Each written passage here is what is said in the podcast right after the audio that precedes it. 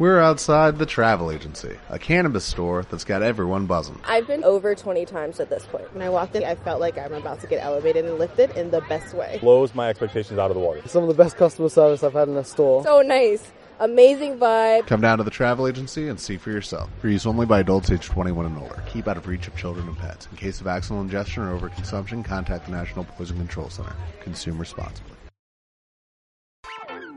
Estàs escoltant un podcast de Ràdio Terra, la veu dels països catalans.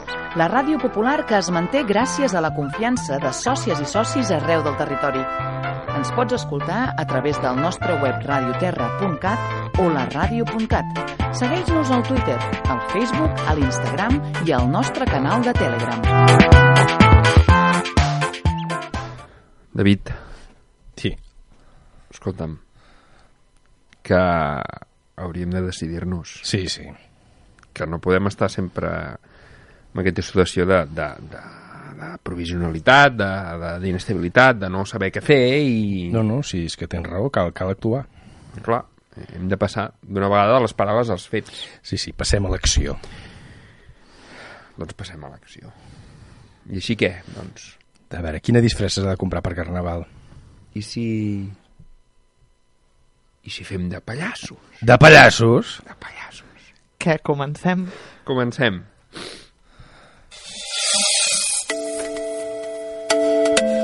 Ciclorama amb David Figueres i Antoni Baciana.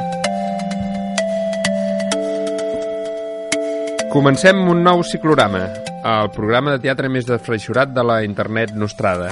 Comencem amb novetats esperançadores al Teatre Lliure. Doncs sí, el Juan Carlos Martel ha fet callar moltes boques en pocs dies, de, en pocs dies de mandat del Teatre Lliure. La teva i tot. Sí, i me n'alegro. Al Martel no li ha tremolat el pols i sembla que es cregui que el Teatre Lliure és un teatre públic i no pas un cotó de privat de caça com havia estat fins ara. El Martel ha fet aquella tàctica dels cardenals vaticans que ha dit amén a tot, al papa, per no enfrontar-s'hi mai, i quan ha arribat el dia que el substitueix, doncs canviar-ho tot de cap a peus, eh, tota l'obra del papa anterior, i així doncs es deslliga totalment de qualsevol inherència. Doncs en pocs dies he capgirat de cap a peus el Teatre Lliure i això està bé, perquè en aquest país l'immobilisme és la llei i mai no canvia res. El primer punt que ha adoptat el Martel és el de la transparència. La nova direcció publicarà la informació dels comptes anuals del Teatre Lliure durant el seu mandat, incloses les retribucions, dietes i indemnitzacions dels seus càrrecs directius. I així potser s'evitarà que el director del Teatre Lliure cobri aquell sou que tenia de 254.000 euros a l'any. Que Mare fes comptes Sí, si portes uns quants anys sí. treballant. Home, és el doble del que cobra el conseller de Cultura de la Generalitat de Catalunya del Principat. Molt bé. També s'establirà una limitació de retribucions artístiques. S'establiran un límit de, de retribucions pels creadors que intervinguin a les produccions pròpies de la programació del Teatre Lliure en funció de la sala i de, cara, i de cada categoria artística, o sigui que no, no hi haurà carta blanca. Així com un límit de produccions que cada creador o companyia pot representar lliure. O sigui, que cap director o cap grup no pot repetir dues temporades al Teatre Lliure com havia passat fins ara. I es veu que també procurarà doncs, allargar els períodes d'exhibició dels, espect dels espectacles que, tingui que tinguin èxit i així avançar cap a, un, cap a un teatre amb inclusió social són un dels altres trets definitoris, vull dir que no només el teatre espectacular, sinó també un teatre on s'està posant molt de moda ara i que ja toca un teatre on, on també hi participi gent doncs, amb algun tipus de necessitat social. Doncs sí, està molt bé. A més a més, doncs així s'evita que dos o tres directors tinguin el monopoli del teatre. Si eh, creiem que veritablement els equipaments públics són públics, doncs tots eh, haurien de tenir aquesta política, no? I per tal d'obrir el lliure, s'habilitarà una nova plataforma via web per a la recepció de projectes artístics. Cosa que també ja tocava. Sí, i ho podríem presentar un ciclorama. També, per aquesta web. Sí, clar. I com a primera decisió, el lliure el que ha fet just a l'arribar ha sigut cancel·lar la representació damunt Olympus del Jan Fabre. Recordem que Jean Fabre ha estat acusat d'assetjament sexual per membres de la seva companyia i, i té una investigació oberta d'ofici a Bèlgica, tot i així havia estat programat per l'anterior director. Que tothom té presumpció d'innocència. Però sembla que el lliure agafa la premissa de que les qüestions artístiques no han de passar per damunt de les qüestions humanes. És que si el teatre, que sempre ha pretès ser una eina de canvi social, renuncia a l'ètica, doncs perd tota la seva utilitat. Doncs a bodes em convides, i de teatre social et volia parlar. Home, no sé si Radio Terra ens deixaran barrejar això de la política amb altres temes, eh? Va, doncs mira, et vull parlar de teatre documental. Un gènere que fa anys que funciona a països avançats i que just ara estem descobrint aquí. Home, a mi m'agraden els documentals d'animals. L'altre dia vaig veure una iguana ballant el reggaeton de El, gasolina. el teatre Uh. documental neix a Alemanya a la postguerra de la Segona Guerra Mundial per posar davant del públic els horrors que havia causat la mateixa Alemanya. El dramaturg i Peter Weiss Sí, conegut sobretot per Marat Sade. Ara t'ho anava a dir. Eh. L'any 64, 1964, va fer un espectacle de 4 hores en les quals l'espectador havia de patir el relat fred i cru dels testimonis de, del, de l'horror nazi. 4 hores. 4 hores escoltant eh, el, els testimonis de l'horror dels camps d'extermini. O sigui, els posaven allà, passaven i anaven interpretant els testimonis dels judicis de Nuremberg explicant tot el que havia passat als camps Jo d'extermini. conec uns quants que els hi convindria, això. Uh, Eh? sí, era com una vacuna i com una teràpia contra el virus del feixisme perquè no tornés a aparèixer. Sí, L'any 64 a Alemanya feien això i el 2019 a Espanya doncs, continua sent impensable. El teatre documental funciona, remou consciències. A Alemanya, qualsevol congrés o jornades científiques amb llus tenen un, una sessió de teatre documental sobre el tema de què tracten les jornades, fins i tot els més científics. Mira que a mi, això, eh, tenir Alemanya com a referència sempre m'ha posat molt nerviós, però aquesta vegada doncs, m'he de treure el barret. per les coses com siguin. La missió del teatre és connectar les idees amb les persones, o sigui que té tot el sentit del món. Sí, però no és fàcil. El teatre és una eina molt útil, però molt fràgil. I si les coses no es fan bé, el resultat pot ser un desastre i un avorriment. Una mica passa com el periodisme, no? De fet, el gènere periodístic està desembarcant al teatre perquè troba que és un espai molt lliure per poder generar contingut i més agraït perquè és directe i té una incidència directa i palpable sobre l'espectador. Toca temes incòmodes que trenquen doncs, els discursos més, més generals. Per exemple, Milo Raus es preguntava de Civil War, que vam poder veure al grec de fa uns anys, el 2015, sobre la vida dels joves musulmans de la barriada de París, que precisament són el caldo de cultiu del jihadisme. I és curiós que en una societat que es pensa tan moderna com la catalana, doncs aquest gènere no, no té gaire tirada. El teatre documental pot ser una bomba. Té un potencial de denúncia enorme. Per això, alguns eh, fan veure que no hi és. És el debat que trobem en molts àmbits, com la literatura. Molts artistes eviten passar, com diuen alguns, per la, plaça, per la plaça pública, perquè si ho fan doncs han de tocar temes complicats i temes que com a artista els hi poden posar problemes.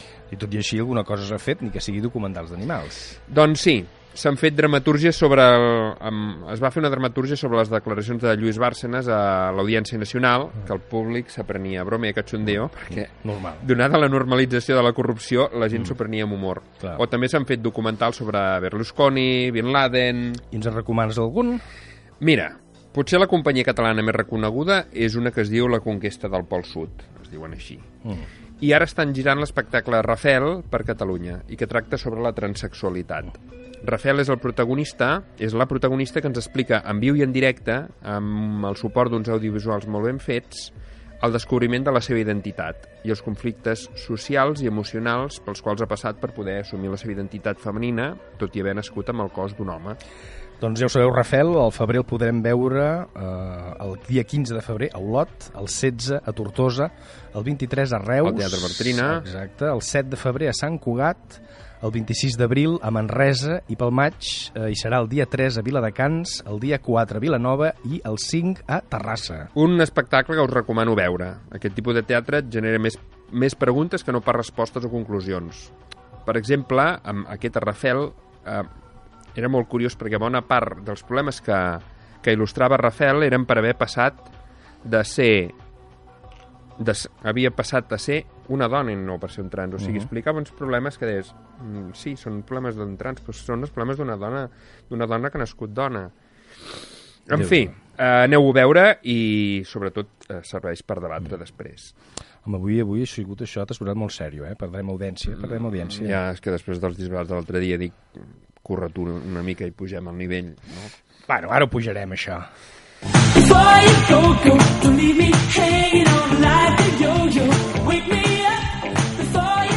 Xec, tio, què, què, què li ha passat al Magnum? Se'n deu haver anat amb el Rick i el TC a rescatar algú al Vietnam. No, no sé. A veure, avui volem viatjar en el temps, concretament fins al 1984, que és quan sonava aquesta fantàstica canció dels Guam. Del George Michael. -ta -ta -ta -ta. Bueno, ja està. Vinga, va, fantàstica cançó. Eh, com la majoria de coses que es feien als 80, no? Fantàstic tot dels 80. Bé. I aquesta regressió a què, a què ha vingut? Doncs mira, resulta que el passat dia 20 de gener a Donosti es moria la Maria Dolores Rico Oliver als 83 anys. No sé qui, ni idea. Lolo Rico No, no sé qui és. No, no sé. va, una pista. Era la directora d'aquest programa infantil. Sona molt, eh? Ah, Espera, espera. Això és Canvi, Webster. canvi, canvi, canvi. bé, Hòstia, esta bola, que, esta bola? la bola, a veure, què és aquesta bola? Mador. On sona? Home! Tinc la punta de la llengua! Ah! Uh. Hòstia, la bola de cristal! Home, efectivament, efectivament. Avui no parlarem de cap sèrie, sinó que farem un petit homenatge a aquest programa de televisió per nens, que con- concretament es va estrenar el 6 d'octubre del 1984. Ja ha plogut. Sí, que va acabar el 1987, només va tenir tres temporadetes. Tot una revolució dins del món dels programes destinats a la canalla. Doncs sí, perquè tot i que la Lolo Rico tenia molta experiència prèvia en programes de ràdio i televisió destinats a la canalla, més aviat clàssics, és responsable dels programes infantils, per exemple, Un globo, Dos globos, Tres globos, o La cometa blanca, no sé si mm. igual també te'n recordes. Sí, de la Cometa Blanca sí que sortia aquella xica, la Sònia Martínez, Sí. acabar... Bueno, sí. doncs ja, com que ja tenim una edat... No? Sí. Va. Bueno, Doncs això era anterior a la bola de cristal, i la bola de cristal doncs, arriba al 84 i aquesta senyora doncs, decideix capgirar-ho tot de dalt a baix. a veure, contextualitzem una mica perquè amb tota aquesta colla, primer de millennials Sí, i els de la generació sí, Z, que venen darrere, sí, que encara ja, se n'entenen ja, menys, no ja se'ls fregeixen les neurones. Sí. Deixeu estar al Fortnite un moment i escolteu. El 1984, a part de ser un títol d'un- d'una novel·la, Sí. Eh, aquí només passava que hi havia dos canals de televisió. Sí, perquè TV3, la televisió de Catalunya, la nostra, havia fet la seva primera emissió el 10 de setembre del amb 1983. el Joan Pere, però no començaria la seva programació fins al gener de 1984. Per tant, hi hauria dos canals de televisió i mig. I el YouTube no existia. Bé, no existia ni internet. Pobrets, però alegrets. Bueno, Doncs sí. alegrets. Bueno, sí, va. És el que hi havia, escolta'm. El programa, la bola de cristal, s'emetia els dissabtes al matí i intentava satisfer doncs, totes les franges d'edat. La primera part era la protagonitzada pels Electroduendes, que era una mena de Muppets, telenyecos, per entendre'ns. Per entendre'ns els que som de la nostra generació. Perquè, a veure, no... Va, que eren uns ninots... Eren, ah, exacte, Sí, com uns, uns, uns- titellots, sí, unes ninots, titelles sí, bastant lletges. exacte. Va, doncs. que, doncs, que figurava que s'encarregaven de la part tècnica del programa. Hi havia la bruja truca, la de vídeo, Maese Càmera, Maese Vídeo i la que seria el personatge més famós del programa, la bruja Averia. Pilas y filamentos he ganado un mil por ciento. Mis émbolos laten de contento. Cuando hablo de economía, me siento en el firmamento. Por Gimnoto y Farad, mis turbinas tiemblan de felicidad. Ergios, cátodos y palanganas. Hoy soy más rica que ayer, pero menos que mañana. Tot molt innocent infantil, vaja. Molt, a veure, si estem parlant, eh, i estem parlant d'un programa infantil destinat en aquesta part del programa als més petits de la casa, eh? imagina't. La bruja Averia encarnava el mal, i el mal era el capitalisme salvatge. Toma ja. Ella s'encarregava de fer la punyeta doncs, al- als electroduendes que tampoc doncs, no es tallaven ni un pèl. ¡Ay, no somos revolucionarios! Solo queremos que nos impongan un horario, aunque no nos paguen un salario. Queremos perder nuestra vida en la mina o en la oficina.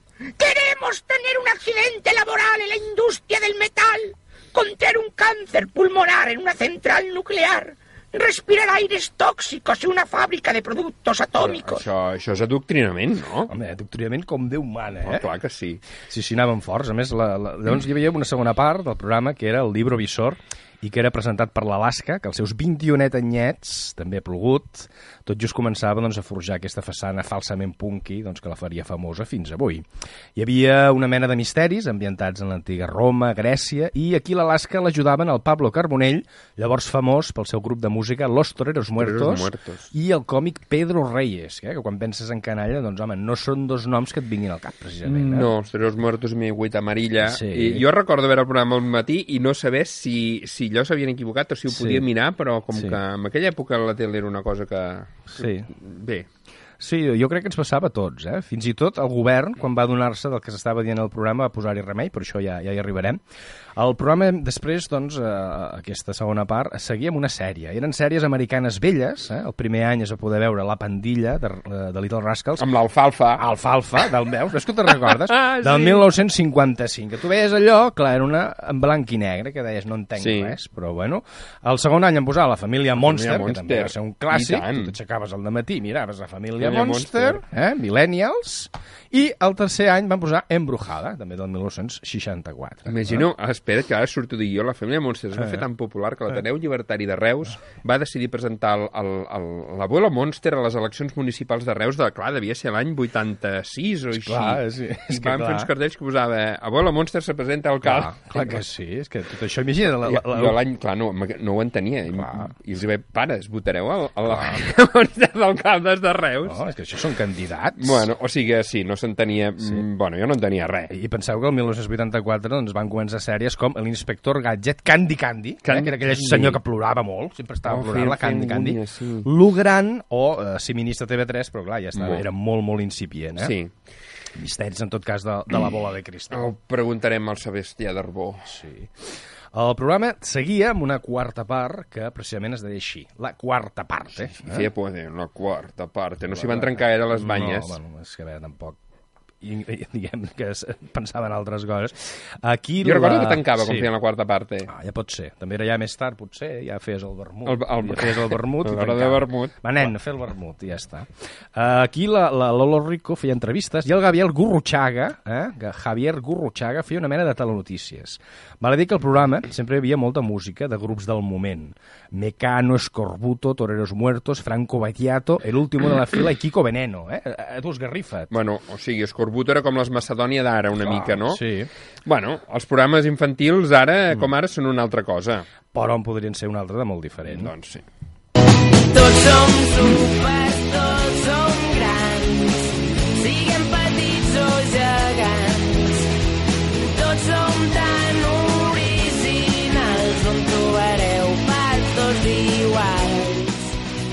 Eh, a què venen aquestes corredisses pati pla? Ai, Flusky, Flusky, han tornat a detenir la Matoll i la Nanúfar. I han tornat a cremar contenidors? No!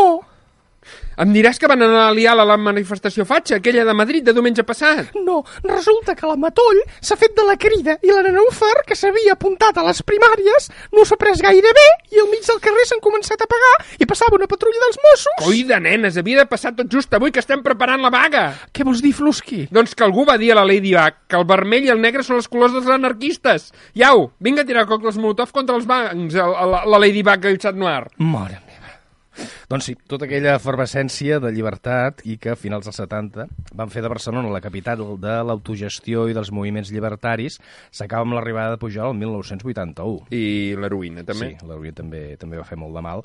La movida madrilenya pren el relleu, però molt controlada i subvencionada pel PSOE, que ha guanyat les eleccions del 1982 per majoria absoluta i vigila de prop qualsevol dissidència política. La movida madrilenya sap vehicular totes aquelles ànsies de canvi a través de la música i de l'art, tot molt canalla, molt trencador, però sense cap substrat polític ni contestatari al darrere. Perquè, mira, mm, després s'acaba veient el llautó de tothom. L'Alaska, mm, que feia un programa al, a la ràdio aquella mm, germana amb Radio Terra que es deia Libertad Digital, em sembla, del Sí, de los Santos. sí. La Carmen Maura, amb Sí. unes declaracions últimament sobre Catalunya molt Sí, boniques, sí, sí. no les recordo, i ara, ult- la setmana passada, la Carmen Maura, la recordes, trencadora de les pel·lícules Sí. d'Almodóvar, que Sí, tots sí. érem tan moderns i tot això, fent unes declaracions contra les feministes dient Sí. que no es creia que les violessin. Doncs això era la movida, això era la movida madrilenya, senyors Sí, i senyores, seria- de que mm, sí, tot sí. era molt modern, però per no canviar res. Sí, seria fàcil fer-los preguntes a quins, a quins partits voten i segurament tots votarien més o menys els mateixos. Eh? Sí. Això que deies de llibertat digital, doncs bueno, ho deixem així. Eh? El 1986, després doncs, que el PSOE torni a guanyar les eleccions per majoria absoluta, posen la senyora Pilar Miró com a directora general de Radio Televisió Espanyola. I aquesta senyora un dia fa un cafè con leche, eh, s'aixeca, posa la tele i veu que hi havia uns ninots que deien mal de la Thatcher, del Ronald Reagan, que se n'en foten dels ministres del govern i del PSOE en general. I més escandalós de tot, que tractava els nens no pas com a petits babaus, sinó oferint-los continguts que els fessin pensar. Ah, Espanya en aquell moment volia jugar a la Lliga dels Grans Països. I si s'havia d'entrar a la OTAN, doncs s'hi entrava. Si si s'havia de desnaturalitzar les nacionali nacionalitats històriques, No digo bé, nacionalidades nacionalidades històriques, los pueblos, Clar. pues es desnaturalitzen. I si s'havia d'ignorar el passat republicà d'abans de la Guerra Civil, doncs s'ignora. Clar, i així què va passar? Doncs que el 1987 sembla que un spot on els de la bola de cristal defensaven l'escola pública per damunt de la privada doncs va ser directament censurat. I això doncs, va precipitar la dimissió de tot l'equip directiu i aquí s'acabaria la història de la bola de cristal. Eh? Grans artistes vindrien després, com Míriam Díaz Oh, Aroca, tant. eh, amb Cajón Desastre, eh? que diguem que la part política una mica més a baix, eh? i o després hi ha això ja, la inconmensurable Letícia Sabater, eh? amb No te lo pierdas. Toma, toma, eh? pepinazo. Home, toma, això- toma, toma, pepinazo. Molt bé. I fins aquí, eh? avui no hem parlat de sèries, de televisió, la bola de cristal, eh, i avui hem estat patrocinats per Fruiteria Satxa, ho toquem tot, dels pebrots fins a la remolatxa. Molt bé, estupendo. Bueno. Va, David. Amb aquesta música, Què? que no m'ho diguis. El què? Que ja ho sé, tonto. Què? Que t'han agafat unes ganes d'anar al teatre. Hòstia, com em coneixes. I tant. I per això et porto l'agenda teatral dels països catalans. Anem a Perpinyà. Anem a Perpinyà, però no anirem a veure l'último tango a París. Oh, llàstima. No, anirem a veure... Anirem a veure què? Pallassos! Oh!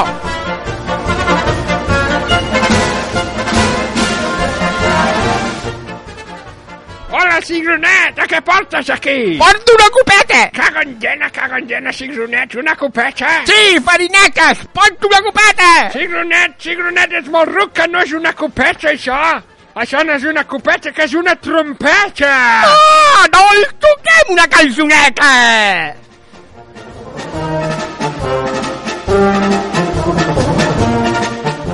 Doncs el 9 i 10 de març a l'arxipel de Perpinyà podrem veure els mítics Rum i companyia, la companyia de pallassos més exitosa del país, dirigits pel Jordi Aspa. Exdirector de la Fira Trapezi de Reus. Exacte.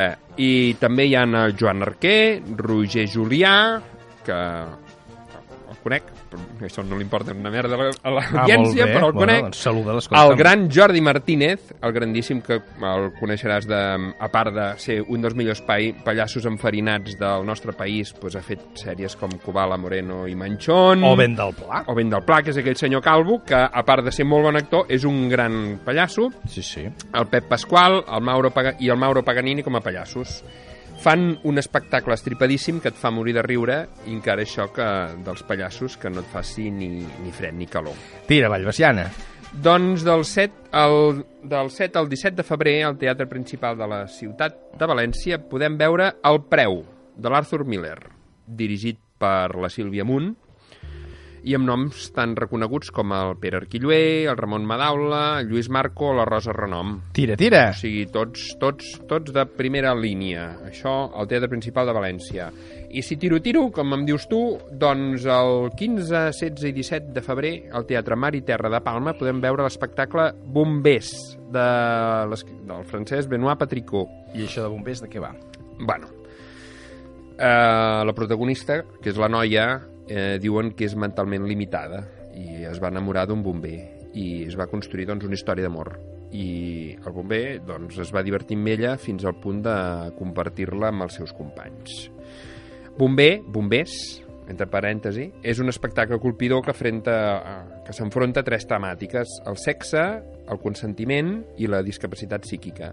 I ho fa sense grolleries, sense violència ni provocacions ni moralines i amb una interpretació que ha valgut a la Maria Antònia Sales el Premi a la millor interpretació femenina de les Illes Balears de l'any 2017. Un espectacle doncs, que malauradament vigent.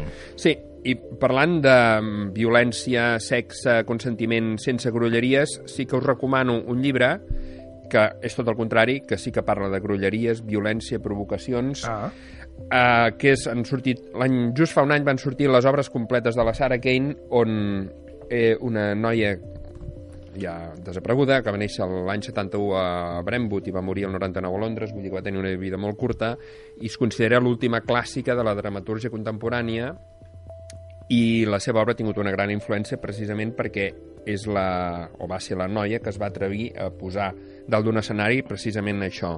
Violència, grolleria, sexe, molta violència, molt de sexe, coses que llegim al diari, que veiem per les notícies, però que dalt d'un escenari no es veia. Doncs es va atrevir i ho va posar dalt d'un escenari i la, la gent, les primeres crítiques, encara avui ara, eh, gairebé eh, 20 anys després de la seva mort, continua sent que la gent s'esgarrifa i ho troba repugnant. Sí. Però val la pena llegir les seves... eh, Són sis obres, només va poder Sis escriure sis obres. obres en la seva curta vida, um, perquè el teatre ha de ser un reflex de... o um, durant èpoques, com hem dit al començament del programa, ha de ser un reflex de, de la vida uh, real i no només un, un artefacte um, artístic molt bonic. I a més a més, reivindiquem que això es deu haver editat a Arola. Arola, exacte. Que avui en dia, a part potser dels teatres que editen algunes seves coses, és l'única editorial, una Arola, recordem, de Tarragona, a més a més, sí. que està editant eh, teatre. Sí, de fet, um, poques editorials editen teatre i per això doncs, s'ha de donar les gràcies a Arola. Crec que hi ha algun patrocini del Teatre Nacional perquè sempre publiquen Mm. obres que s'han estrenat al Nacional de Catalunya, però doncs eh, llegim teatre també, a part Sí. sí. d'altres coses, i costa llegir teatre i a vegades obres actuals o te les passa algú amb un PDF per correu electrònic o no les pots llegir. Editorials del món val la pena doncs, també tenir un apartat de teatre per anar-ne editant.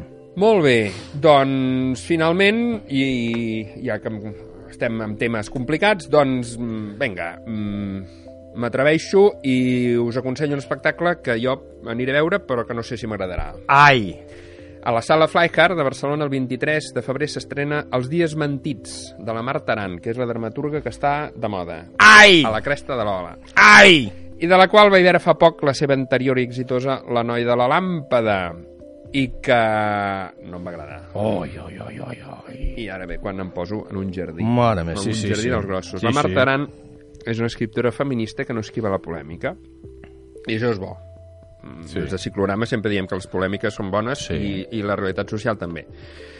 Però, per dir-ho finament, potser les obres funcionarien millor si fossin com teatre documental, com el que hem dit al començament, i no pas com un drama burgès, Mm. No, ja- com era La noia de la làmpada. Ja, la ja noia de la làmpada Ah. eh, parlava d'una d'una noia que es queda embarassada i que rebutja el seu nen perquè li ha destrossat la seva carrera professional.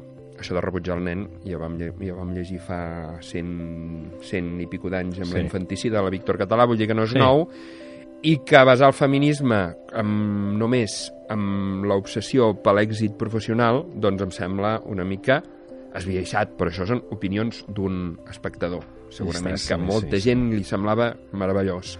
En tot cas, però, una obra de teatre pot agradar o no, però trobo que és bona si et fa reflexionar i et fa pensar com és aquest cas. Per tant, recomano Els dies mentits, que és un monòleg sobre l'anorgàsmia femenina, o sigui que és el no tenir orgasmes. Bueno, doncs mira, en tot cas, anem-hi i després en parlem. Doncs eh? ahir anirem i en parlarem. I doncs ja està. I fins aquí tot el que us volíem explicar. Gràcies a la Marta per fer que les nostres veus sonin millor del que són i per les musiquetes. I ho podríem haver fet millor. Però no haguéssiu rigut tant. Doncs vinga, expressions. Adéu.